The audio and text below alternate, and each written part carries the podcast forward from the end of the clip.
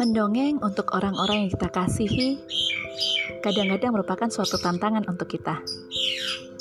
Kadangkala kita juga ingin mendengarkan dongeng untuk mengenang masa lalu kita. Melalui podcast ini, Kuda harap kawan kuda bisa mendengarkan dongeng-dongeng dan juga menuturkannya kembali. Selamat mendengarkan.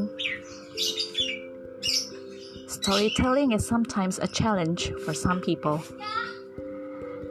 Through this podcast, I'd like you to listen and later on to tell stories.